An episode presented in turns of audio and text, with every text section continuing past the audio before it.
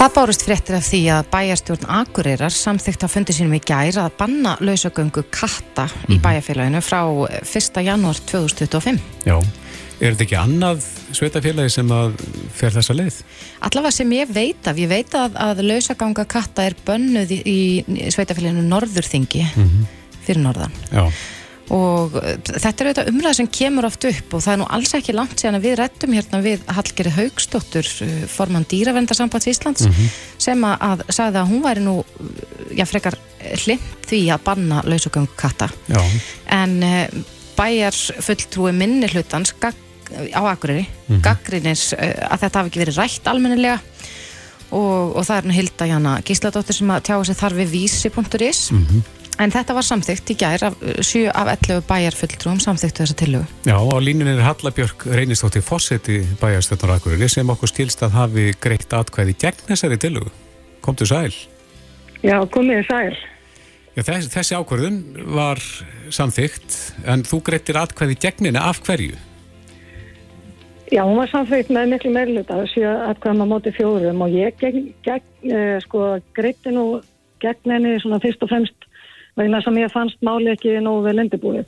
það, var svo, það lág fyrir fundinum til að um að fara á endur skoða reglurnar Mm og leggja svona eitthvað uh, takmarkað bann á lesagöngu eða frjálsa út yfir katta sem að ég hef geta samþygt og svo kemur upp á fundinum svona fram einhvers konar meiri hluta vilju fyrir að ganga lengra. -hmm. og ég fannst kannski svona handófskent hvernig til að var síðan um að uh, hún tæki gildi 2025 frekar en einhver tíma á einhverjum öðru tíma og já, þeim fórsendum fannst mér bara rétt að vera móti eða greitti gegn þessu án þess þó kannski að leggja mat á það ég held, hef get verið svona sammála einhverjum rökum eh, þess að eh, takmarka eða banna eh, frjálsa útiveru. Mhm. Hvernig myndir þú vilja gera það? Ég hef svo sem ekki uh, kannski bara sterkar skoðun á því. En ég hefði viljað að við hefum svona uh, rætt það við þá fagfólk og, og þá framkvæmdaðilega eða starfsfólkið okkar hjá bænum um hvernig mætti svona, hvernig við sæjum fyrir okkur reglurnar eru og hvernig þeim eru framfylgt. Áður en að við værum að samþykja svona algjört bann. Var þetta bara, sem sagt, var til að mjög einföld að banna lausagöngun en, en eh, engar útfæslur? Já, það kom í raun fyrst fram til um að banna uh, lausagöngu yfir nótt og yfir varttíma og endur skoða reglurna síðan í heild og það er náttúrulega og auðvitað eiga þessar reglur eftir að fara inn í umhverfis og manneskjarátt sem fer með þessi mál fyrir okkar hönd þannig að uh, það er svo sem ekkert útsýðum að það taki ekki einhverjum breytingum frá þessari tillögu sko. En ég er nú ekki sérfræðingur í atverðli katta en, en uh, getur ekki reynst erfitt að, að, að, að kenna eldri köttum allt í hann að vera innikettir? Jú, ég er nefnilega heldur ekki sérfæðingur. Þetta hef ég til dæmis vilja ræða áður en við færum í svona algjört bann og hvort að það sé skynsalegt að gera það með einhverjum öðrum hætti. En svo segja sumir að, þú veist, að það sé langt best bara að klippa á þetta og það sé ekki hægt að framfylgja þessu nema að sé bara algjört bann. Og ég skal ekki segja, mér hefði bara vilja þú veist, að við undirbyggðum þetta aðeins betur. Akkurat. Hilda Jana sem ég myndist nú á hérna áðan sem að, að var í viðtala á vísi í dag sagði að, að það hefði verið í, í minnsta hægt að setja á sólarlags ákvæði þannig að þeir kettir sem eru úti núna fáið að vera út sinn líf, líftíma og hafa komið fram svona ýmsa skoðunur um að gera þetta í skrefum hefur þú vilja sjá þá leið frekar? Já, ég hefði allavega að vilja skoða hana áður en við kæmum fram með svona aldrafælisa uh, tillugu en, en núna er, hefur þetta verið samtíkt og kannski íti það bara málunum á stað, það er svo sem eins og ég segi ekkert útsið um það að það taki ekki einhverjum breytingum. Og, og við förum bara með þetta í vinnu inn í umhverfs og manneskjaróð sem gerir þá tillugu til bæjarstjórnar aftur. Sem þetta var eftir að koma fyrir bæjarstjórn sjálfsagt einum tvis og sinnum í viðbót. Já, uh, lausaganga katta er bönnuð á Húsavík, það er ekki norðuþingi. Mm Hafið þið kynnt ykkur hvernig þetta við tekist til þar? Nei, ég, ég, hef ekki gert það en við hins vegar er í okkar bæjarfélagi höfum við þetta hverfi eða, eða part af okkar hérna, bæjarfélagi er til dæmis Svísi og Grímsvei og í Grímsvei er sko algjört dýrahald bannað eða það er að segja katta og hundahald er bannað í Grímsvei Mm og lausa ganga katta er bannið í hrísi. Mm -hmm. Er það til þess að venda fugglana? Að já, venda fugglalífið og við þekkjum það ágætlega og það hefur bara gengið vel og eins og til dæmis í hrísi þá eru kettir sem eru þá bara inni kettir eða í bandi mm -hmm. og það hefur ekkert komið að sög sko þannig að við erum svo sem ekkert alveg ókvæmið þessu Nei, hafið þið hirt, eh, já, í einhverjum kattaegundum á Akureyri, er, er fólk fylgjandi þessu á móti í bæjarfélaginu, veistu það? Já, við, ég hef nú bara fylgst með hérna samfélagsmiðlum núna aðeins í dag og, og það er svona ímist, margir hverjir mjög ánæður og, og aðrir svektir yfir þessu, þessari ákverðin. Já, við sagðum hérna áðan að við rættum við forman dýravendarsambands Íslands núna fyrir sömar mm -hmm. sem að, eh, já, hún er fylgjandi lausa, banni við lausagangu katta. Ve vegur já. það eitthvað inn í umræðina þínum að þið? Já, sjálfsögðu, þetta vegur allt inn í umræðina. Við þurfum þetta bara að horfa til bæði dýrana og þeirra sem það hafa þá eh, lifa við það að vera frjálsir og þurfa þá núna að gangast undir það að vera inni eða í bandi og svo þá bara svona tegundarinnar sem slíkrar, ég menna er þetta ekkert mál, ég bara eins og ég segja, ég er ekki sérfængur í því. Og ef það kemur í ljós að það, þetta, þetta gerir dýrunum ekki ílt þá segi ég nú að, að það væri svona meiri, meiri rauk með því að banna þessa lausagöngu, þannig að við eins og við vitum, þetta hefur þetta valdið sko óanægi og pyrringi hjá mörgum hverjum að við séum að fara inn til fólks og í gardana og, og berið með sér svona útrýpnaðar af dýrónum og síðan náttúrulega gott fugglónum að þeir séu að veiða hérna ungan og fugglónum komist ekki að legg. Akkurat. En, en þú telur að þetta mál sé nú ekki, það er ekki komið að því að, að framkvæma það enn og þetta muni vera rætt aftur? Já, nei, eins og til að segja þá á að taka gildi 2025 sem er þá auðvitað ný bæjarstöld sem að kemur til með að framfylgja því en áður en að það gerist þá þarf þetta auðvitað að fara inn í umhverjum sem mannarkerað sem tekur og útfærir þessa tilögu og svo kemur þetta aftur inn í bæjarstöld og þá hefur við eftir að taka til, til umræð og eins og ég segir ekki útsjöðun að taka ekki einhverju breytingum. Emit. Halla Björk Reynistóttir, fósetti bæjarstjórnar á Akureyri. Kæra þakki fyrir þetta. Já, takk sem leðis. Kveikstáttur uh, var á Daskói Gær sem hefur vært í miklu aðtikli og mikið umtal. Svo sannarlega, þessi fréttaskýringa þáttu var í gær og, og já, það má segja að interneti hafi gott sem sprungið eftir þennan þátt. Mm -hmm. Ríkisútarpið er gaggrind fyrir einhlega frásögn af, af þessu máli en... Eh, og sitt sínist hverjum. Og sitt sínist hverjum, það er alveg rétt. Ég hef átt samtal við fjölmarga í dag mm -hmm. um þennan þátt og mm -hmm. svona viðbröð við þessum þætti. Og í kveikstættinum er um, já, veld upp þeirri spurningu hvort hvenar og þá hvernig uh, meintir eða mögulegir gerendur mm -hmm. í, mhm. í kynferðisbrotum uh, eiga afturkvæmt í samfélagið. Já, hafa afplánað hvað hvert samfélaginu. Akkurat, þarna er auðvitað að vera að, að fjallum mann sem gerðist uh, já, uppvís af, hátsemi mm -hmm. og uh, missir vinnuna og er hann verið sagt hans saga er sögði þessum þætti já. en spurningun er enn ósvarað. Mm -hmm. Á línun hjá okkur er Sólei Tómasdóttir, kynja og fjölbreytileika fræðingur. Kontur sæl, Sólei. Komið sæl. Já, er hægt að svara þessari spurningu sem er velt upp í þessum þætti? Nei, það er nefnilega máli. Ég var auðvitað að reyna að vera fyndin og segja að það, það, það tækir þrjú ára og tvo manni en það er ekki tækt að segja eitthvað svona.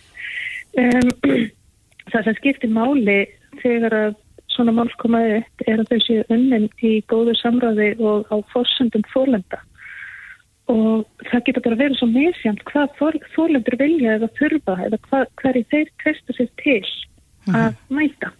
Sumum fólendum er kannski bara eiginlega alveg sama, öðrum fólendum uh, er alls ekki sama. Uh, sumum fólendur treykarast bara og liður mjög illa ef þeir mæta gerendum sínum eða sjá gerendur sína einhver staðar Eh, þannig að það, það, það fer svo óbúslega mikið eftir bæði eðli verknuðarins og því hvernig þólandin upplifir þennan verknað og hvernig hann hefur unnið úr þessu og svo náttúrulega hvernig gerandin hefur unnið úr málunum líka mm -hmm. og hvernig og hvort eða hvernig samtal hefur átt við stað á milli þólanda og geranda og hversu vel gerandi hefur tekið, tekið með af þörfum og, og upplifunum þólanda. Þannig að það er, það er engin ein einföld leið eða eitthvað eitt einfalt svar í þessu. Nei, en nú er það yfirleitt ekki þólandin sjálfi sem að má segja hafa hæst svona þegar að menn stíga síðan fram í sviðslösið? Uh, hvað meinaðum því? Nei, ég segi, þú segir að þetta er að gerast í samráði við þólendur það ekki? Já, að, já, sko, í hennu fullkomna samfélagi, já, í hennu fullkomna samfélagi væri ofallega ekki deitt. Nei. En segjum sem svo að við værum með bara einhver gott, einhver, einhver verkverðla sem að virkuðu almennt, að þá myndi ég segja að, að gerendur þurftu alltaf að taka með af því hvað hvernig þólandin upplifur viðkomandi áður en að þeir um, ákveða að ákveða endur koma í samfélagið mm -hmm. Það er ekki hægt að segja að gerandi hafi unni úr sínum málum nema hann hafi raunverulega átt að segja á álhugunum sem að viðkomandi hafi á þólandan mm -hmm. og er tilbúin til þess að dræga sig í hlýja eða halda sig fjari viðkomandi á meðan þólandin er að vinna úr málum. Þetta er tekið með slanga tíma og verið með einsum hætti en öðruvís er ekki hægt að segja að að gerandi hafa önni í sínum málu.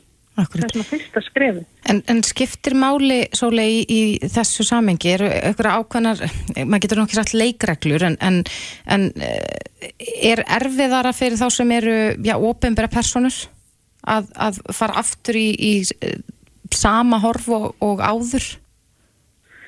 Já, það er náttúrulega, sko, uh, þegar að um, áriðni eða ofbeldi á sér stað á vinnustad þá er nú yfirleitt viðbröðin þannig að, að þólandi um, það er reynd að, að koma í veg fyrir að þólandi þurfa að umfangast geranda ef að þólandi óskar þess. Mm -hmm.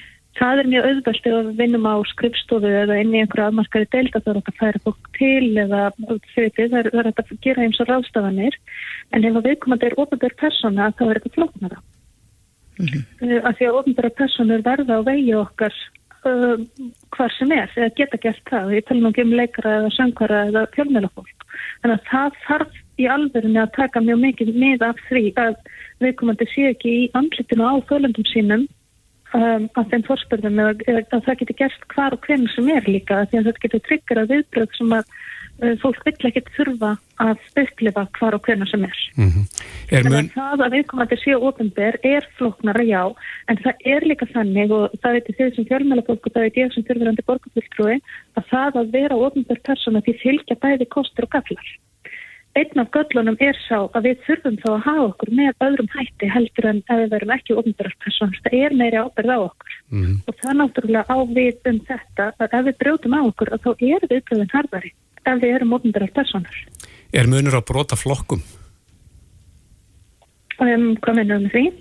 Við getum nefnt uh, líkamsárásir eða mandráp? Já, já, og ég menna það er, eins og ég segi, sko, það, það, þetta er allt saman svo afstætt og það er svo misjönd hversu alvarleg brotin eru og hvernig þólendur upplifa brotin. Það sem að mér finnst ekki vera alvarlegt finnst kannski einhverjum þóland að vera alvarlegt. Uh mhm. -huh. Aðalmálið er að við tökum með af upplifan þólandans hverju sinni og reynum að gera lík þólandans sem bærilegast eftir að einhver svona afturður hefur átt sér staðu, eftir að við komum til hefur betur ofildi. Akkurat. Í upphafi... Já.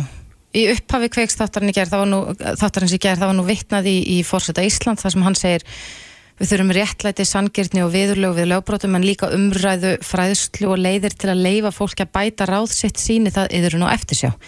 Eh, er það þessi yðurinn og eftirsjá og, og þá samtal við þólundur líki latri í þessu? Sko, ég held að eins frábæra hann Guðni er að marguleiti að þá held ég að hann get ekki einu sinni búið til einhverjar, einhverjar reglur sem við eigum öll að fylgja. Það þarf alltaf að vera þólandin sem að ákveður þetta og það hvernig eftirsjóðin er og hvernig yðrunin er og hvernig samtalið er á milli þólanda og geranda, það er alltaf á fórsendum þólandans. Þannig að það, það er ekki eins mikið og ég myndi vilja geta látið ykkur hafa einhverja skýra reglur um hvað er nóg og hvað er ekki nóg. Það eru það ekki til. Mm -hmm. Það er bara þannig. Akkurat.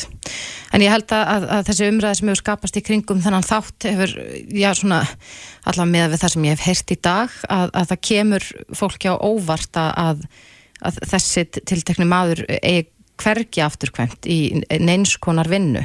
Uh, kom það þér óvart? Ég ætla ekki að dæma um, um það hver, hverjar ástæður eða, eða aflegengar eru af hans gjörðin. Ég, þessi þáttur var náttúrulega bara brot af sögu hans og hún var sögu frá hans sjónarhóli og uh, ég held að þessi margt þarna sem var ekki sagt. Þannig að ég, ég held að það komi mjög margt fleira til. Það fylgti fólki sem hefur verið aðtunlust í ansumörg ár núna. Mm. Það hefur verið alls konar ástand í samfélaginu.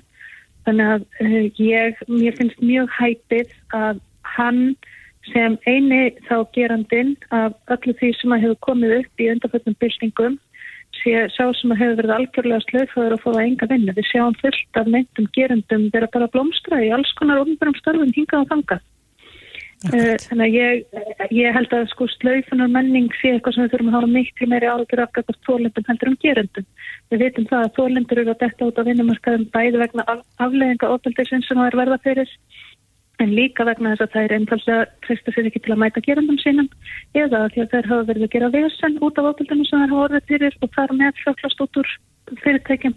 Þannig að það eru, ymsað, ofbeldi hefur mjög mikil áhrif á þólendur umfram bara ofbeldið sjálf og uh, slöifan, slöifunar menning þetta, þessi, þetta nýja orði ég held að það sé eitthvað sem er mjög langt í land með að skilgruna að geta notað einhverju viti í samfélaginu. Já, akkurat þannig að það er ekkert eitt svar við þessari spurningu Nei, það held ég ekki ég held að það sé bara eitthvað sem við þurfum Jú, eina svarið er hlustum á þólendur, byrjum verðingu fyrir þólendum og gerum það sem að þólendur telja best til að þeim líður sem skast. Það er áhrifin eru á þá þólendur vera enga ábyrg heldur eiga allan rétt skilin. Sóli Tómasdóttir Það sem skiptir mestu máli. Mitt Sóli Tómasdóttir kynja og fjölbreytileika fræðingur. Takk fyrir spjallið. Takk sem leiðis. Bless. Það er mikil umræða eh, sprottið upp í kjölfar þess að Emil Pálsson, eh, fótbollnamaður, neyg niður á vellinum í leik sínsliðs mm -hmm. og uh, þar komu, kom fyrsta hjálp við sögu Akkurat. sem að hefnaðist bísna vel svona með að við fréttir. Já, ég held að, að það hafa eflust fjölmarkir fengið þjálfun í fyrstu hjálp mm -hmm. og það er greiðarlega mikilvægt að maður svona viti hvernig það er að bregðast við og eins og við e, tölum hérna í gær við hann reyni lækni landsleisins Já. og hann sagði að þetta fyrsta sem maður á að gera er að, er að ringa eftir hjálp mm -hmm. en, en svo gæti maður þurft að uh, kunna handtökinn hnóð og, og fleira í þeim dúr en síðan er maður alltaf líka að sjá á æg fleiri stöðum mm -hmm. svona hjartastöðtæki, þessu litlu tæki sem hangum upp á vegg í mörgum fyrirtækjum í kringlunni og, og víða. Já, þetta er mikil hjálp fyrir þá sem að þurfa að beita fyrstu hjálp. Mm -hmm.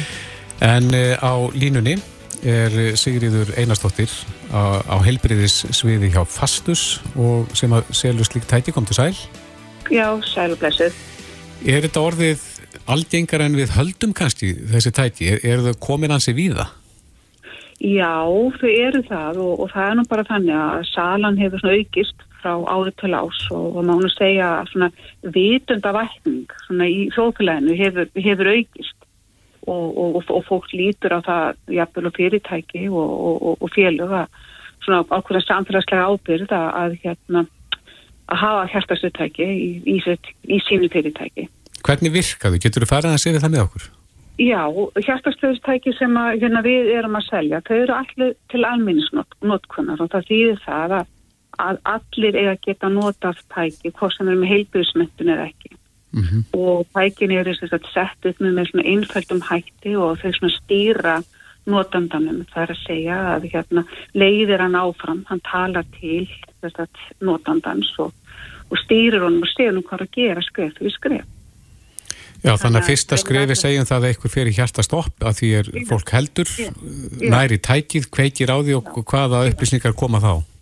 Þá segir tækið að, að, hérna, að fjarlæga þau bara brjósti og sjúklings og toga í, í að pókan eða, eða handfungu hvað sem er sem er af skautin sem eru tengdu hjartastu tækið svo við komandi þess að pakning opnist og að sitja rafskutin á bergbrjóst þess að viðkomandi mm -hmm. og þegar það, því er loki þá komi tenging á milli tækis og sjúklingsins eða þess sem að er í hjartastoppi Akkurat. og þá í þess að þessum rafskautum sem að hérna, eru límt á brjósjúklings að þar eru nemar og þessi nemar nema það hvað hægt er að gefa rafstuð eða ekki og, og ef hægt er að gefa rafstuð þá, þá segir tæki við viðkomandi ekki snerta sjúkling, nú er ekki við rafstuð við hvað aðstæði var ekki eftir að gefa rafstuð? Það er nú þannig að, að að þegar við komum til fer í hjartastopp þá hérna uh, slæð hjartað ekki með eðlilegum hætti, það getur það er væntalega og, og oft er svona einhver uh, einhver reyfing á hjartanu mm -hmm. en það er halkur ótaktur. Það er að segja, hjarta dælir ekki blóði til hérna höfus og, og, og til lífara og þá, það er þá sem við viljum gefa strafstuði og það er ákveðin taktar sem að uh, sem að hægt er að gefa rafstuði. Það er að segja ef rafstuði gefið að þá fer hjartat í oftast í sinn takt mm -hmm. til þess að geta dælt blóðið og aftur til sagt, í hérna líkamann og lífæri og, og allt það. En þannig að, að í raun og veru þá, þá getur maður ekki sko gefið rafstuð nema að þetta snjalla tæki uh, segir mann að það sé hægt? Að, já, já, það er ekki hægt og það þýðir ekki þó svo að, að einhver myndi íta, segjum að tæki myndi segja ekki rálagt að gefa rafstuð, mm -hmm. haldi ákum að nóða, þá er hjarta sjúklings annarkort með yngar afleðni eða þá takturinn með, með þeim hætti að það er ekki hægt að stuða taktin. Akkurat. Þá leytur þau að, að, að gefa nóð og nóðið er til að koma það hjartanu þá vonandi í þann takt sem er stuðanlegur. Mm -hmm. Ef einhver myndir svo ákveð það alltaf ít á stuður ofan, svona bara upp á, taka upp á því sjálfur, að hans að tæki mæli með því, það myndir tækið ekki gefa rafstu. Nei, en eru þessi tæki þannig úr gardi gerða að maður gæti bara mögulega aldrei hafa séð slikt tæki áður en samt sem áður geta notaða? Já, og það, reynslan hefur sínt það að þess að tæki sem við erum með, þau eru búin að vera mjög lengi á markað og, og það er búin fínpúsa alla vankanta fyrir sko 10, 15, 20 árum síðan. Þeir sem hafa nota tækir og nota þetta með sér á Íslandi að hérna, ég er svona leitast eftir að að og hvernig hefði gengið og, og sérstaklega hvort á komið þau vankantar. Það sem ég hef alltaf heilt er það að þetta er bara mjög einfalt og tæki leiðir mann algjörlega áfram. Já, er fólk að kaupa þetta í heimahús eða sumarbústæði? Já, það er að gera það. Það er að kaupa, einstaklingar kaupa í sumarbústæð og, og, og hérna og sveitabæir hafa verið að kaupa sem að búa strjábílt. Já, það sem er kannski lengra er í hjálpina. Já, já og svo náttúrulega íþróttahús og sundlegar og, og, og heilsurættastöðar er held ég nánast alltaf með svona tæki. Er gerð krafað með þessi til á einhvern stöðum? Já, það er gerst, ég held að það sé rétt skil í hjá mig að það er krafa á svona íþróttamanniskum og, og á, á svona líkasrættastöðum mm -hmm. að þú verður að hafa tæki og hérna Og, og sagt, en svo aftur á mótu að komið til í fyrirtæki eins og já, út í bæ sem er já, þá er alltaf ekki, ekki, ekki skilda en það eru þeir sem að hafa mitt verið að koma inn og stíða inn með ríkar mæli og, og hafa á, og hafa að kaup á hérstastu tæki. Akkurat. Það er nú ekkert íkja langt síðan að, að flest heimili fóru að hafa já, til dæmis eldvarnateppi eða, eða slökkvitæki á heimilum og þetta er við með reikskinir og svona ímis öryggistól. Telur þú að það geti verið að þeirra framlýða stundir að, að þá verði þetta nöðsynja varin á all heimili? Í skoðum kannski ekki ná alls svona heimili svona almennt séð því að það er nú alltaf þannig að, að það verður alltaf að vera einhver annað til staðar til að sko nota tæki þannig að, að, að hann, hann verður að vera sko hafa, hafa get og kunnóttu til þess, hafa aldur til þess. Og, og hérna maður veist svo mikið hverja aðstæðar eru á hverjum einn menn ég getur kannski séð þetta fyrir mig hjá fyrirtækjum hugsalega Og, og það er þannig að, að erlendar ansóknir síndu fyrir nokkur um árum að, að í 30% tilvika það verður þetta hjartastopp á vinnustak. Mm -hmm. Þannig að þau eru ekki öll heima fyrir en, en hérna en jú, ég hugsa það að það, það verði svona framtíðina og, og við svona uh, það er bara aukin vitundavatn í samfélaginu og, og eins og við heyrum, þetta er, þetta er í umræðinu. Einmitt. En Sigriður, er eitthvað um það að húsfélög kaupi svona tæki til að hafa inn í fjölbílishúsum á stegagöngum? Það hefur ekki verið svona í svona, í, ekki, ekki frá mér í svona bara hefðinni stegagöngum. Það er, en ég veit að húsfélög til dæmis það sem hefur eldri borgarar eða, eða einhver svona uh, húsfélög þar sem eru kannski mismunandi starfsemi þá hafa verið keiftæki, já. Finnir þið aukna svona eftirspurnir eða fleiri fyrirspurnir um svona tæki eftir að, að tilveika eins og þetta uh, sem við rættum hér áðan eru í, í fréttum? Já, þetta fær fólk til, hérna, vekur fólk til umhugsunar og við fáum síntöl, já, við gerum það og, og hérna þannig að það er, það er sannarlega að finna við fyrir því. Já. Sigriður Einarstóttir á helbriðsviði hjá Fastus. Takk að kærlega fyrir þetta. Já, takk sem er leiðist. Mikið hefur verið rætt um byrlanir á undaförnu. Heldur Þetta eru svona hálfur mánuður þar sem að þetta hefur verið í fréttum nánast að hverjum degi. Eitthvað tengt þessu og fjölmargir hafa stigið fram og, og svona sagt sína raunir og sína upplefanir af byrlunum eða í raun og veru mögulegum byrlunum. Vegna þess að þetta hefur jafnvel ekki verið tekið nægilega fastum tökum. Nú ekki nógu alvarlega mati þeirra sem hafa lent í þessu, svona Nei. virðist þeirra. En nú uh, hefur lauruglan höfuborgarsvæðinu sjö mál til rannsóknar eftir síðustu helgi þar sem að grunur er um að fó- fólki hafi verið byrluð ólífi. Var ekki lauruglan á Akureyri sem var með þrjú mál til rannsóknar? Akkurat, bara síðan núna um helgina. Já. En uh, já, nú hefur lauruglan hafið samstarf með bráðamótöku og að það sé, nú er verið að móta verklag til þess að tryggja rétt að sínatöku og varðveislu sína. Þannig að það verðist einhver breyting verið að eiga sér stað. Á línunni hjá okkur er Hulda Elsa Björgvinsdóttir, sviðstjóri ákjærusviðs lauruglunar á höfuborgarsvæðinu. Komdu sæl Hulda. Já, komið sæl. Hvernig fer þetta samstarf fram og hvað eru þau komið langt? Sko við höfum alltaf verið í, í góðu og nánu samstarfi með bráðumóttöku og bara landsbítalanum með ímis mál þar sem, þar sem eh, hagsmunur okkar eru eh, hinn er sömu og eða þess að aðkoma lörglu og, og, og, og landsbítala og í þessu tilviki þá hafði yfirlækni samband við mig og, vildi svona kanna það hvort að við varum, varum að skoða þetta einhvern veginn hjá okkur.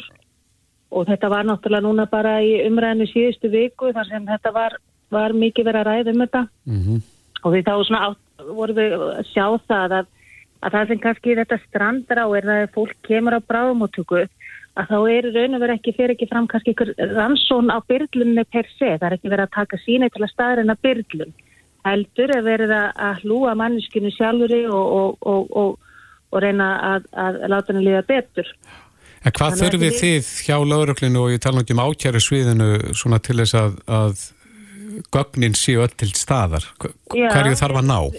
Við þurfum að vera með, það þarf að vera rétt uh, sína, glösin þurfa að vera með réttum hætti. Og það sem við erum að tryggja löglan er að tryggja uh, bráðumáttökunni þessi sína glös, þessi glös sem um er að ræða og síðan að sínin sé varðveitt með tryggjulegum hætti. Og þegar það má, málum koma til okkar að þá getum við uh, kallað eftir upplýsingum frá bráðumáttökunum hvort við komum til að hafa leita þangað. Og þá getum við eftir aðtökun sendt sínin í rannsókn til rannsóknstofu Háskóla Íslands. Er það nóg að, að tilkynna grun um byrlun til ykkar til þess að þetta ferli fara á stað? Já, já, við myndum þá alltaf skoða það hvort það sé ekki ástæða til að, að fara að stað með rannsókn Mm og hérna og þannig að já, já, við myndum kanna það. Er það ekki rétt með fara hjá mér að, að, að allavega með að við fréttaflutning sem að var hérna fyrir fáum árum síðan að þá voru slík síni ekki skoðuð nema kæra myndi liggja fyrir. Eh, Hefur orðið sem sagt breyting þar á? Sko, lörgla þarf ekkert að hefja, er ekki bundin af kæru, við getum alltaf farað að stað með rannsókn eða ástæða þykir til. Mhm. Ég tel að þessi algjörlega ljóst með við umræðina að það þarf bara að komast til bótt í því hvort að það sé þarna verið að, að byrla fyrir fólki á skemmtistöðum og þannig að við viljum endilega bara skoða þetta alveg sérstaklega. Já, þið vantar að líti það grafalögulegum augum ef að, ef að slíkt er. Já, sjálfsögðu og þetta, þetta eru bara al, mjög alvarlega brot ef, ef, ef þetta er, er, er svona með þessum hætti að það sem vísvitandi verið að byrja fólki að þá verður að sjálfsögðu að taka það bara föstum tökum. Manst eftir einhverju máli þar sem að um byrlun hefur að ræða? Sko ekki beint á skemmtistöðum en það eru til mál þar sem viðkomandi var að byrla fyrir konum, bauð, bauðum heim og, og, og byrlaði fyrir þeim og, og misnotaði þær svo í kjálfarið og þetta voru einhver, uh, þetta voru einhver eitt, eitt trú mála ef maður rétt, já það flerði, spurning hvort það fóru ákerri mm -hmm. og síðan er náttúrulega líka, hefur alveg verið reynd að, að, að og mál komið sem er grunur um að þetta hafi þá bara verið svona í einhverju nánu samskiptum en, en ég man ekki eftir svona skemmtistæðabyrglun í svona flótu bræði. En nú eru sjö mál til rannsóknar hjá ykkur eftir síðustu helgi. Já. Uh, Gætu þessi mál varpa ljósi á stöðuna þegar, þegar búið er að rannsaka þessi síni? Já, það verður það bara komið ljós hvort að, sko, eins og ég segi, verklaði er ekki komið á stað. Þannig að það er ekki tekið gildi og nú þekki ekki til þess hvort að það hafi verið tekið síni í þessum tilvökum. En ef svo er, þá konum við það að sjálfsögðu og þá kannski getur þetta varpað einhverju ljósi á, á, á þessi myndu brot. En hérna, en síðan uh, vonum við bara til þess að verklega fara að taka gildi bara núna fljóðlega. Er þetta að greina þessi síni hér eða þarf að senda þetta út? Rannsóknstofa Háskóli Íslands greinir þessi síni. Já. Og er þá skeimað fyrir í, í svona mörgum efnum á segja? Það er náttúrulega ekki hægt þetta... að benda á það nákvæmlega hvaða efni notaðir í hverju tilviki?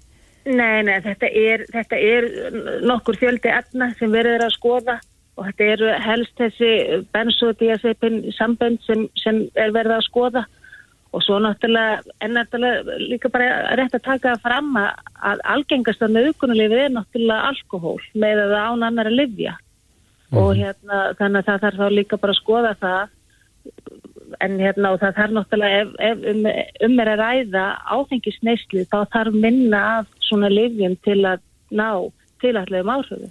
Já, En svo er ekki bara að tryggja þessi síni blóðsíni, það þarf vantilega að tryggja myndbaðsöptökur annars líkt. Já, það er náttúrulega það sem við myndum, við myndum það alltaf skoða líka í kjölfarið eða eru myndbaðsöptökur og afla þeirra og, og fá hérna vittnaframburði og fleira, bara svona þetta hefðbunda sem rannsók beinist að. Mm -hmm. Nú hefur, eins og við sögum áðan, þá hefur umræðan verið ansi hávær undarfarnar vikur. Uh, Finnir þið það í, í sko auknum tilkynningum? Já, það er bara eins og síðustu helgi. Það, það fer ekki að meðlega mála að, að þarna er um fjölgun að ræða. Og svo er spurning um hvort þetta sé bara aukinn árverkning fólks fyrir, fyrir ástandi viðkomandi og hvort þetta sé um að ræða raunverulega byrglun og það þarf bara að komast til bort í því eins og ég segi, já, takk þetta förstum tökum. Einmitt. Hulda Elsa Björgvinsdóttir, sviðistjóri ákjörði sviðis lauruglunar höfabrákarsæðinu. Kæra þakki fyrir þetta. Já, takk fyrir þessu sem leðis. Bless, bless. Ég hafum oft talað um leskilning. Mm -hmm. Mentamálur á þeirra hefur meira segja sagt það að leskilningur er eitt helsta vandamál sem þurfa að takast á við. Já. Og þarna koma drengir oft til sögunar að það, það hefur verið talað um að 30% drengja get ekki lesið sér til gags. Mm -hmm. En uh, mann finnst þess að þó gest lítið áfram í því að, að reyna að finna leiðir til þess að bæta þetta. Já, komast að kjarnanum, það er að segja orsíkinni Akkurat. En uh, Diljá ámöndadóttir Sóega hún uh, skrifa grein sem er að finna á vísi.is þar sem að fyrirsögnun er, sá er talin heimskur sem opna sína sál. Og þar kemur hún einmitt svolítið inn á þessi mál. Velkomin. Takk, kærlega fyrir. Hvað er rækkið til að skrifa þessa grein? Þetta er ekki, þetta er ekki fyrsta skipti sem ég hef uh, skrifað uh, grein um um varðandi þessi, þessi læsismál, mm. leskilningsmál og, og svona þessar niðurstöðu PISA sem er yfirleitt uh, vísað svolítið í þegar það verið að tala um einmitt eins og þú segir 30% strengi get ekki lesið sér til gags og, og fyrir vikið eru þeir týndir drengir í skólakerfinu. Ég hef heyrt uh, líst eftir þessum týndu drengjum í öruglega tíu ár og, og fyrir vikið finnst mér þeir bara ekki týndir, þeir eru öruglega fundnir en uh, ég hef svona svolítið verið að gaggrína uh, það að mér, mér finnst í rauninni þessi lína, þessi 30% strengja get ekki lesið sér til gags Uh, og, og umræðin í kringum það að fókus er svolítið á vandan vera kannski orðin skadlegri heldur en það sem hún snýst um mm -hmm. uh, það að, að heyra þessa línu og vera þá kannski hluti af e, þeim hópi sem er kannski ekki að mælast uh, yfir einhverjum mörgum og þarna er til dæmis verið að mæla uh, hversu hratt þú getur lesið, hversu mörg orð þú getur lesið per mínútu sem að ég gaggrinni mm -hmm. en mér finnst ekki vera uh, aðalatrið hér Leshrafin er ekki Leshrafin og svo vil ég líka setja spurningamerki við að, að hérna, við gerum svona mikið úr einni gerð af læsi mm -hmm. Það er þessi að lesa sitt í gags og lesa svona hratt og, og, og hérna þessi legskilningur sem er í rauninni bara uh, varðar lesin texta á meðan að bæði sagt, greind og, og læsi getur verið svo uh, marskonar og mhm. fjölbreytt og það verðist stundu vera að, að, að við séum einhvern veginn að missa svolítið einhverja mjög hæfileika ríka, flinka krakka átt á líka við um stúlkur og, og, og, og þeir sem telja sig vera öðru kynni að hérna að að sagt að það getur verið að, að þeir einhvern veginn verða bara svolítið undir af því það er alltaf verið að fókusir á að þetta sé bara eina eða besta mm -hmm. uh, leiðin eða læsið Þú tekur líka fyrir þarna í greininni að, að við séum sífælt að benda á sko þessa einstaklinga og spyrja hvað er að þessum einstaklingi í staðin mhm. fyrir að hugsa sko, hvað kom fyrir hann, hver er orsökin fyrir því að, að mögulega einum gengur betur en öðrum Já, ég er svolítið upptekinn bara að þessu í, í svona víðara samhengi að hérna og við öll gerum þetta reglulega. Og, og sem sagt þegar við erum að ræða um, um bara mann, manneskjuna og, og ákveðnar einhverjar uh, karakter aðna úti að þá erum við svolítið mikið alltaf að spurja bara hvað er að, hvað er að henni? Eða þú veist, hvað er lætur hann svona? Hvað gengur hann til? Eða eitthvað svo leiðis Hvaða spurning eigum við að vera að spyrja? Hvað kom fyrir hanna? Já hvað kom hver, fyrir hann. og hver á að vera að, að velta því ég veit ekki kannski ef að ég, ég sitt til dæmis í skóla og frístundaráði Reykjavíkuborgar mm -hmm. og, og, og hefur mig talað á þessum nótum í borgastjórn og hefur flutt ræður á þessum nótum þar sem ég svona vild aldrei vara við að við fókusurum mitt á þessar bara á þessar písa niðurstöður og erum þar að leiðandi ekki að því tek, eins og ég tek fram í greininni við vitum, ég sitt líka í ofbeldisvarna nefnd Reykjavíkuborgar mm -hmm og að, að sagt, uh, fyrir tveimur árum fengum við tölur um að, að það er sagt, tilkynnt og, og sagt, tilkynnt um ítrykkuð atvik af heimilsofbeldi þar sem börn búa á heimilinu. En það voru 378 börn fyrir tveimur árum sem við fengum þær tölur. Uh, við veitum að stangvært rannsóknum hefur heimilsofbeldi um, uh, hefur aukist um 20%. Barn sem að býr við ákveð bara álag á heimilinu sem að ofbeldi og það þarf ekki einu svona vera barsmíðar eða, eða sagt, svona rosalega svona að hægt að það getur verið svo miklu meira ósynilegt líka þess að bara svona svona andlegt. Já og, og í rauninu bara svona eins og við segjum dysfunksional fjölskyldukerfi. Samskiptin mhm. eru erfið það er kannski mikið bara verið að taka eitthvað skona með þögn eða, eða hérna eða bara getur verið vannregsla hvers konar. Þetta, er, þetta getur verið afleggingarnar af þessu getur verið bara mjög svipar og, og af áföllum sem eru svona áþekk mm -hmm. En fyrir ekki til að nú setur þú í meirulutanum Já Af hverju hafi ekki gert neitt í þér? Við höfum eh, akkurat verið að gera ákveðna hluti, ég nefni það líka í, græn, eh, í greininni og, mm -hmm. og í loka greinarinnar og það er um, Sagt, betri borg fyrir börn er, eh, var tilrunaverkefni sem var sett á stað bara í breyðfaldi 2019, oktober 2019 og hefur gengið mjög vel. Og það gengur út af það að fag aðilar og borð við félagsráðgjafa, sálfræðinga, uh, þroskaþjálfa, haugðunar uh, þjálfa og, og, og, og fleira fagfólki þeimdúr eru farin af uh, þessari, þessum þjónustu meðstöðum þar sem bygglistar eru vilt langir og komnir inn til krakkana í skólunum inn á þeirra vettvang inn á þeirra já, inn í þeirra bara sagt, eh, þannig að einstaklingsmiðaðir í þjónust að verða miklu auðveldari þegar þetta er einhvern veginn komið og það þekkt, eh, bara saga hvers bass, bass er þekkt og þetta hefur gengið vel síðastleginn tvö ár. Nún erum við að fara að færa betri borg fyrir börn, svona þetta fyrirkomulag yfir í öll hverfi borgarinnar. Mm -hmm. En tellið að með þessu að þá getið mögulega sko, fundið orsök vandans eins og við rættum við náðan, sko, fundið uh, hvað kom fyrir tiltekið barn já. og jáfnvel þá fyrr og frekar inn í skólanum heldur en út í bæ? Já, ég, ég vona það og ég, við sjáum alveg árangur af þessu sagt, það sem var kallað tilrunaverkefni í breyðaldir að núna bara orðið innleitt inn í, inn í fyrirkomulagi þar og við höfum verið að sjá árangur en mér finnst... Fyrir, með við þessa mælikvarða er þá hefur lestilningur aukist á hjá drengjum?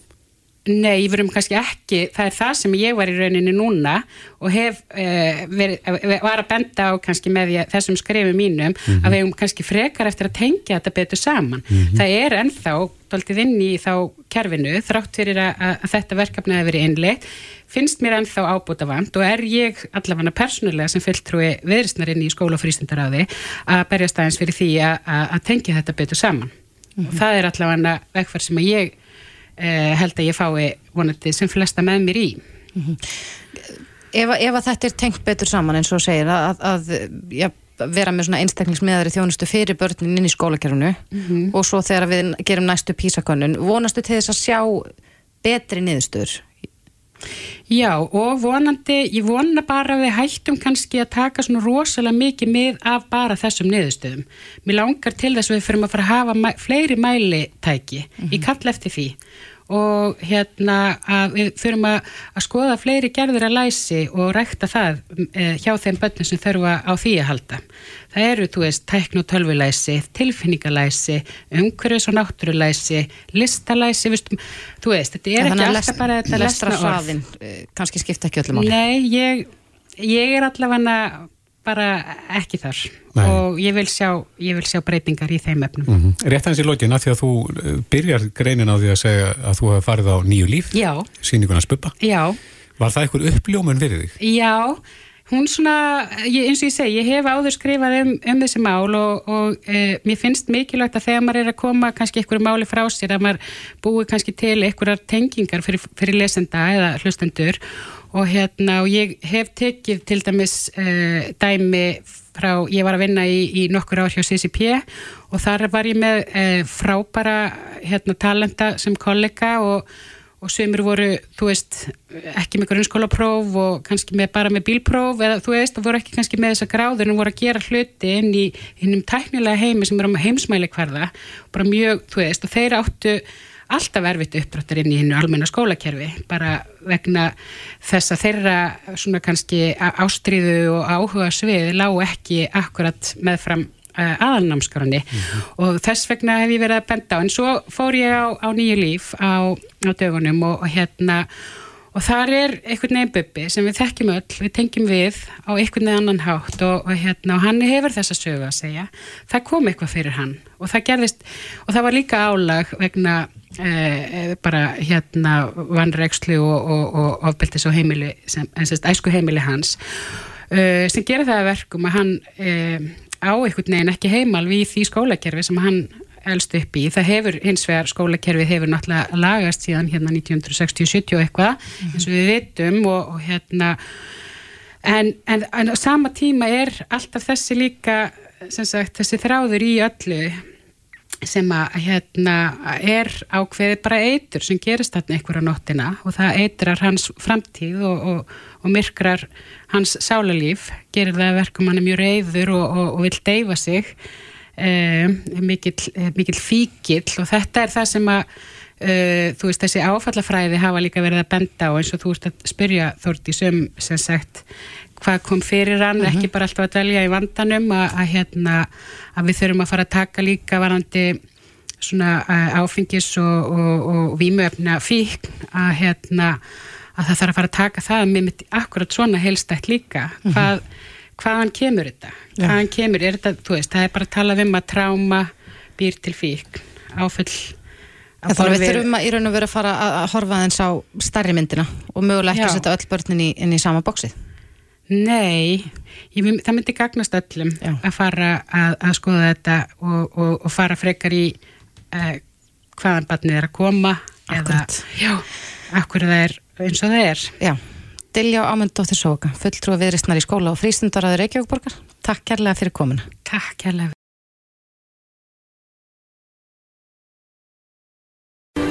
Ég held að það sé alltaf fleiri og fleiri sem að lifa áfengislausum lífstíl. Já, það kemur oft í fréttum að eh, já, svona, ákveðin einstaklingar hafi ákveðið bara að setja tappan í flöskuna sumir gera það af nöðsinn, aðrir ekki Já, já. en uh, svo er alltaf að bætast í flórur af áfengislausum drikkjum Mhm. Eh, Núna getur maður til dæmis bara farið í bónus og keft sér áfengislausan bríó bjór, mér skilst að hann sem mjög góður ég hefur hann ekki smakkað Nei. En ég, af því að ég lifi nú þessum lífstíl sjálfur, þó, þó, svo ég kom í því aðeins að, Mhm. Já. en mér finnst allt of oft lítið verið bóði fyrir þá sem eru í þessum lífstíl. mm ég, Yfirleitt er þetta bara sóta vatn. Já, ég, ég er kannski ekki í þessum lífstíl en ég man alveg eftir tímabölum í mín lífi eins og þegar ég var ófrísk af dættur mínum að, þá fórum maður í veslur og var mögulega bóðið upp á eplasafa eða sótavatn. En það er ímislegt í bóði. Það er nefnilega ímislegt í bóði og það er alltaf bætast í þessa flóru, ekki bara í bjórum, heldur líka í vínum. Já. En hinga til okkar er komin Solrún Marja Reynsdóttir, frangatastjóri T-félagsins og Akkurat sem að flytur akkurat inn áfengislaus vín, kom til sæl. Sæl. Ja, þetta er ekki rétt hjá okkur, það er alltaf að aukast í þessari flóru. Jú, jú, ég held það nú, en ég held nú samt líka að vissuleiti að þá hefur alltaf þessi hópur verið til, um, en þessi hópur hefur bara verið svolítið ósýnilegur af því að það hefur ekki verið mikið í bóði hinga til. Mhm. Kannski kannast flest allir við eitthvað skonar, ég veit ekki, áfengisleis rauðvín eða eitthvað sem fengust í einhverjum svona ódýr, eitthvað sem átt að koma í staðan fyrir rauðvín. Það var bara ekki gott Nei.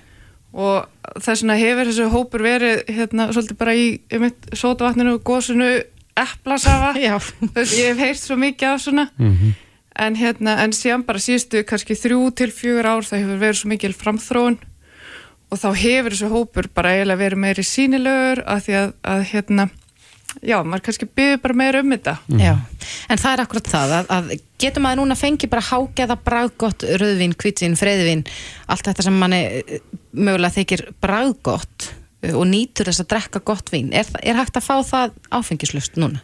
Já, já það, það er vissulega hægt en hérna sko þegar, þegar ég byrja að smakka þetta fyrir þreymur ára síðan og byrja virkilega að prófa mig áfram með hérna, þessa áfengislösu drikki að þá hérna uh, já, veist, ég er búin að smakka ógrinni af þessu, sumt er bara ennþá ekki gott en það er hérna, það, það hefur rosalega mikið breyst á þessum tíma. Alltaf fleiri og fleiri nýju vörumerki að koma inn og það sem bræði gefur lítið eftir í rauninni þessum hvað ég segja, bara þessum áfengu drikkjum En er fólk að finna sama bragð, þar að segja þeir sem að kannast við rauðinsbragðið? Er rauðinsbragð af áfengislausu rauðinni? Já, sko, hérna, já, eins og ég var að segja að ég er búin að smakka rosa mikið af þessu og það hefur í rauninni ekkert ná þeim uh, standard sem ég myndi vilja sjá. En ég smakkaði fyrir kannski þremu mánum síðan, þá smakkaði ég rauðvín sem að mér fannst í fyrsta skipti vera virkilega gott og það er náttúru rauðvín sem kemur frá Oddbert og þau eru líka með hvítvín og það, það er að sama þótt að rauðvín sé alltaf aðeins erfiðar heldur en hvítvín að þá er þetta samt vínin sem hafa verið erfiðust að þróa virðist vera.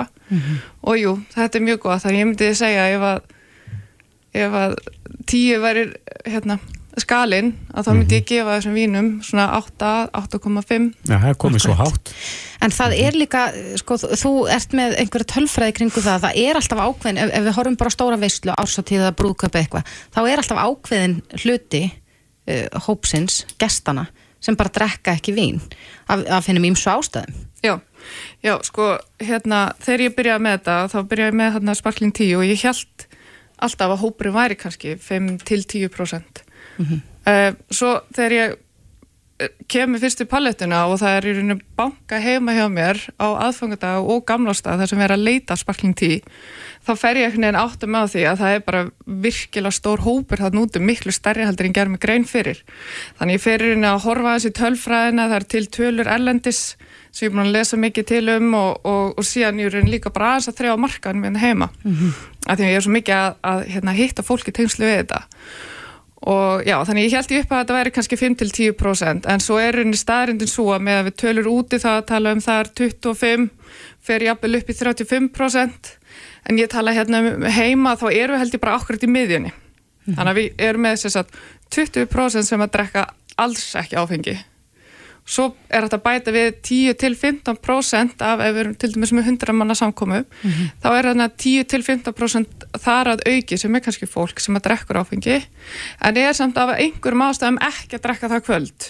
Er á bíl eða hvernig sé það? og já, þe- þetta er enda svona hérna, svona algengasta sem ég heyri þú veist að þeir sem að drekka ekki áfengi það er fólk sem að er að keira eða er ólétt en það er samt líka bara miklu meira undir hjá fólki og það er bara því að, að hérna við berum svo marga hatta við, það, við eigum svo anríkt, við eigum börn og við erum kannski líkansætt, við erum að mæti vinnu mikið gangi hjá okkur og við bara, sumir vilja ekki finna eftirkostin að, að því hvað þau voru að gera deginn máður, mm -hmm. deginn með eftir.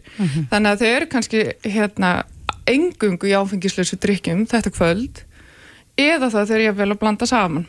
Þannig að það er mjög öðvöldlega hægt að fara upp í 35% En þá er það að tala um að, að í raun og veru ef við horfum á bara þessar svona hefbundu veistlu bjóðu upp á bjór og léttvin en einn af hverjum fjórum cirka eru þá ekki að drekka vín Já, þetta er heila meira sko. Já, Þetta er meira jafnvel meira en einn af hverjum fjórum já. Og sá hópur er svolítið út undan og hefur verið.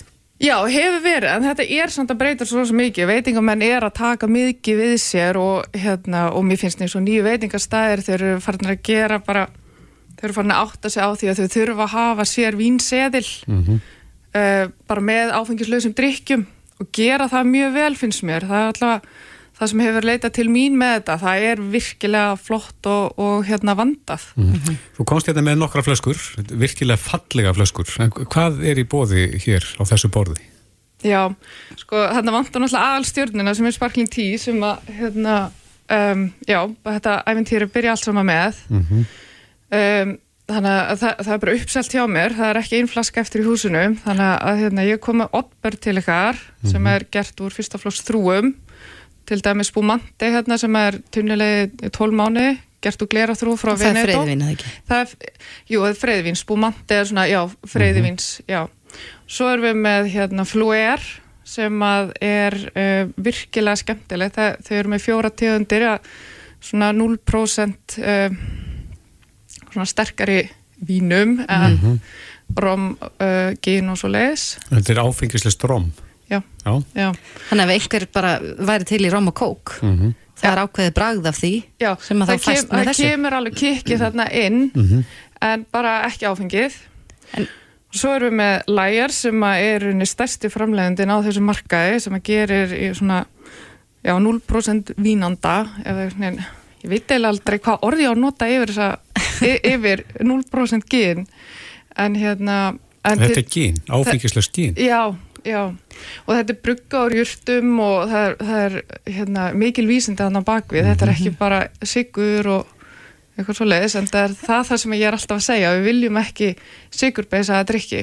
Já, en það er líka, sko, ég held að þekkið allir að það er svona pínu áfengismiðuð menningu oft í verslum hér á landi, en, en með því að, að fá þér eh, sko áfengislaust freyðivín eða rauðvín eða jafnvel bara gin og tónik, að þá er maður kannski aðeins meira með í stemningunni. Hefur þú fengið að heyra það frá fólki sem að, hefur verslað af þér að, að það finnst að vera meira hlut á hópnum?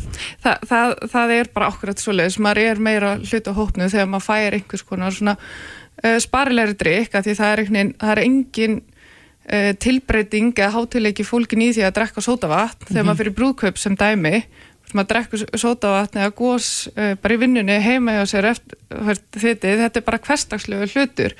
En þegar maður fer út að borða ef maður fer í brúðkaup að þá, þá fær maður eitthvað svona sparidrykk og og eins og nefnir hérna, þú veist með brúðkaupnum og svoleiðis að ég var til dæmis í afmæli með vinkunum minni síðustu viku og við fórum alltaf saman út að borða og það sem að réði því hvert við fórum það var rauninni 0% vínlistin fyrir okkur að því það var stór hlut eh, við vorum held ég sko þarna til dæmis, þá vorum við örgulega 40-45% sem að drekkum ekki áfengi af 15 manna hópi. Og hérna og það er einmitt máli sko, þú veist að maður situr ekkert á veitingahúsi eða að, hérna, giftingu eða eitthvað þannig og bara raðar í þessu ykkur um sótavatni, maður nennir því ekki en þegar maður er þarna í góður að vinna hópi og maður færi þess að drikja þá getum við, við getum bara sitta á sumbli eins og allir hinni, bara mm -hmm. drikja heila flösku mjög öðla Og sest svo bara undir stýri?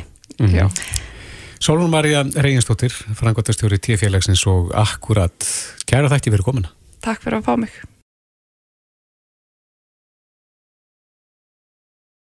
Það er margir búin að býða eftir eh, því að geta komist á tónleika og það er nú byrjað.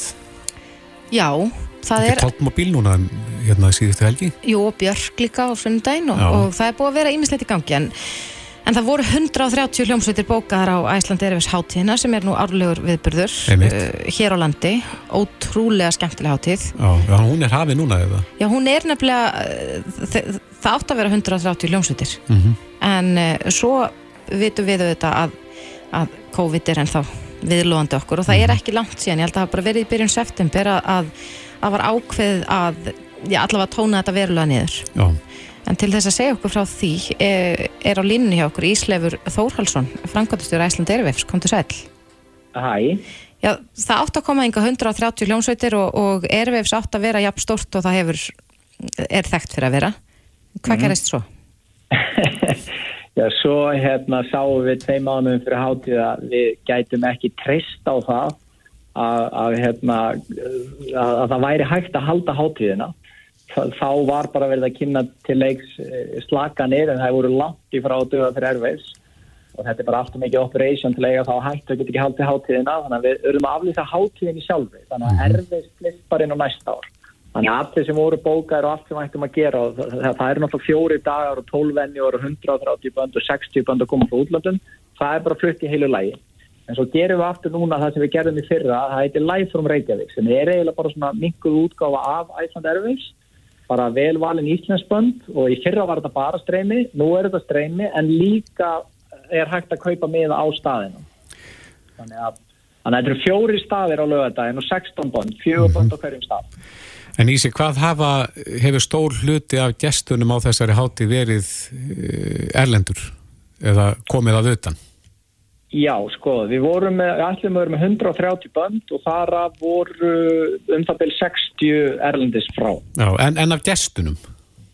Já, er, þetta hefur verið svona síðastlegin ár hefur þetta verið eitthvað 10.000 manns og helmingur af því hefur komið frá útlandum. Já, Þannig að þetta hefur verið að draga til landsins 5.000 manns bara í sérferð til Íslands. Og, og þá er nú ekki, og, og svo bætist ofan á það sko allur bransinn flýgur til Íslands á hverju ári til að reyna að uppgöta næstu stórstjörnunar frá Íslandi. Af því að Íslands tónlist er eitthvað álitið eitthvað fyrir, fyrir, fyrirbæri um allan heim. Það er allir að leita að næsta Kali og næsta ámóðsins sem menn. Þannig að það er svona 500 manns úr bransanum sem fljúa til Íslands. Við, við, við missum af þessu en við erum að gera þessa litla hátíð á lögadaginn með 16 flottum íslensku böndum og því er strengt um allan heim. akkurat. Og það, er, það var nú reyndar haldið í sumar hluti, það eru hérna púlsfundir í dag sem eru norræn samtum tónleikahaldara og það eru nú eitthvað bransafólk á staðnum og, og hérna og það, maður finnur að það er smá svona erfið stemning í loftinu þó, erfið, þó að Ísland erfið sé ekki í, í, í hérna fulli. Sta- staðir í, í miðborginni hafa nú tekið það bara upp á sín eigin arma að bóka bönd og, og vera með tónleika þannig að það er bara mjög jákvæmt Þannig að þeir sem eru mjög tónleika þyrstir, þeir geta allavega að, já, farið á tónleika, en ég sé að þeir eru með sko mörg af stærstu, eh, marga af stærstu flytjandum uh, okkar, Bríett, Ásker, Aron Kahn, GTRN reyndar, fengum fréttir af því í daga að uh, því miður greindist hún með COVID og þar getur ekki komið fram. En einmitt. hvað er þetta margir sem að komast á þessa tónleika sem haldnir eru?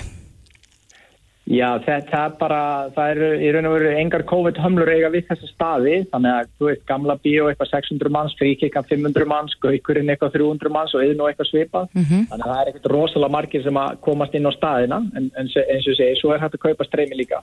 Já. Og þetta er, þetta, er, þetta er rosalega flott læna, John Grant, Ásker, Bríett, Reykjavík og Dætur, Aram Khan, MC Gaut, þetta er gríðilega flott Já. og Ka- Kaktus kemur inn í staðin fyrir GTRN. En í dag er líka uh, streymi, það sem heitir Reykjavík Music Night. Er það Já, ekki í kvöld? Jú, það er sem sagt hluti af þessu að það eru svona bransa hlutir að gerast og voru að gerast í dag og úttón og, og, hérna, og tónlistarborgin og fleiri eru að standa fyrir tónleikum í kvöld fyrir bransan og hérna almenni, eða svo sem ekki verið að selja miðan eins og leiðis en við ætlum að senda út ókippi streymi í kvöld, bara í gegnum Nova TV appið, fólk fer bara að lokka sig inn og þetta bara opnast í kvöld klokkum kortir í nýju og þar koma fram Cyber, Rakel, BSI og, og Mikael Máni og svo verða með þess að aðrir ókippi streymistónleikar á fyrstu daginn til að hitta upp og við tilkynum þá á morgun þannig að Já. það er alveg nú að gerast næstu dag sko. Já, við heyrum það. Já, Íslegu Þorvaldsson, frangotastjóri Æsland Erfefs, við segjum bara góða stemtun og, og vonandi kveikja þessir ellendu aðilar á eh, næstu nýstyrnum, alþjóðlegu nýstyrnum. Já, vonandi, það gerir þörgulega eitthvað, alltaf í kjálfæri. Akkurat. Ísi, takk fyrir spjallið. Takk fyrir kjalla.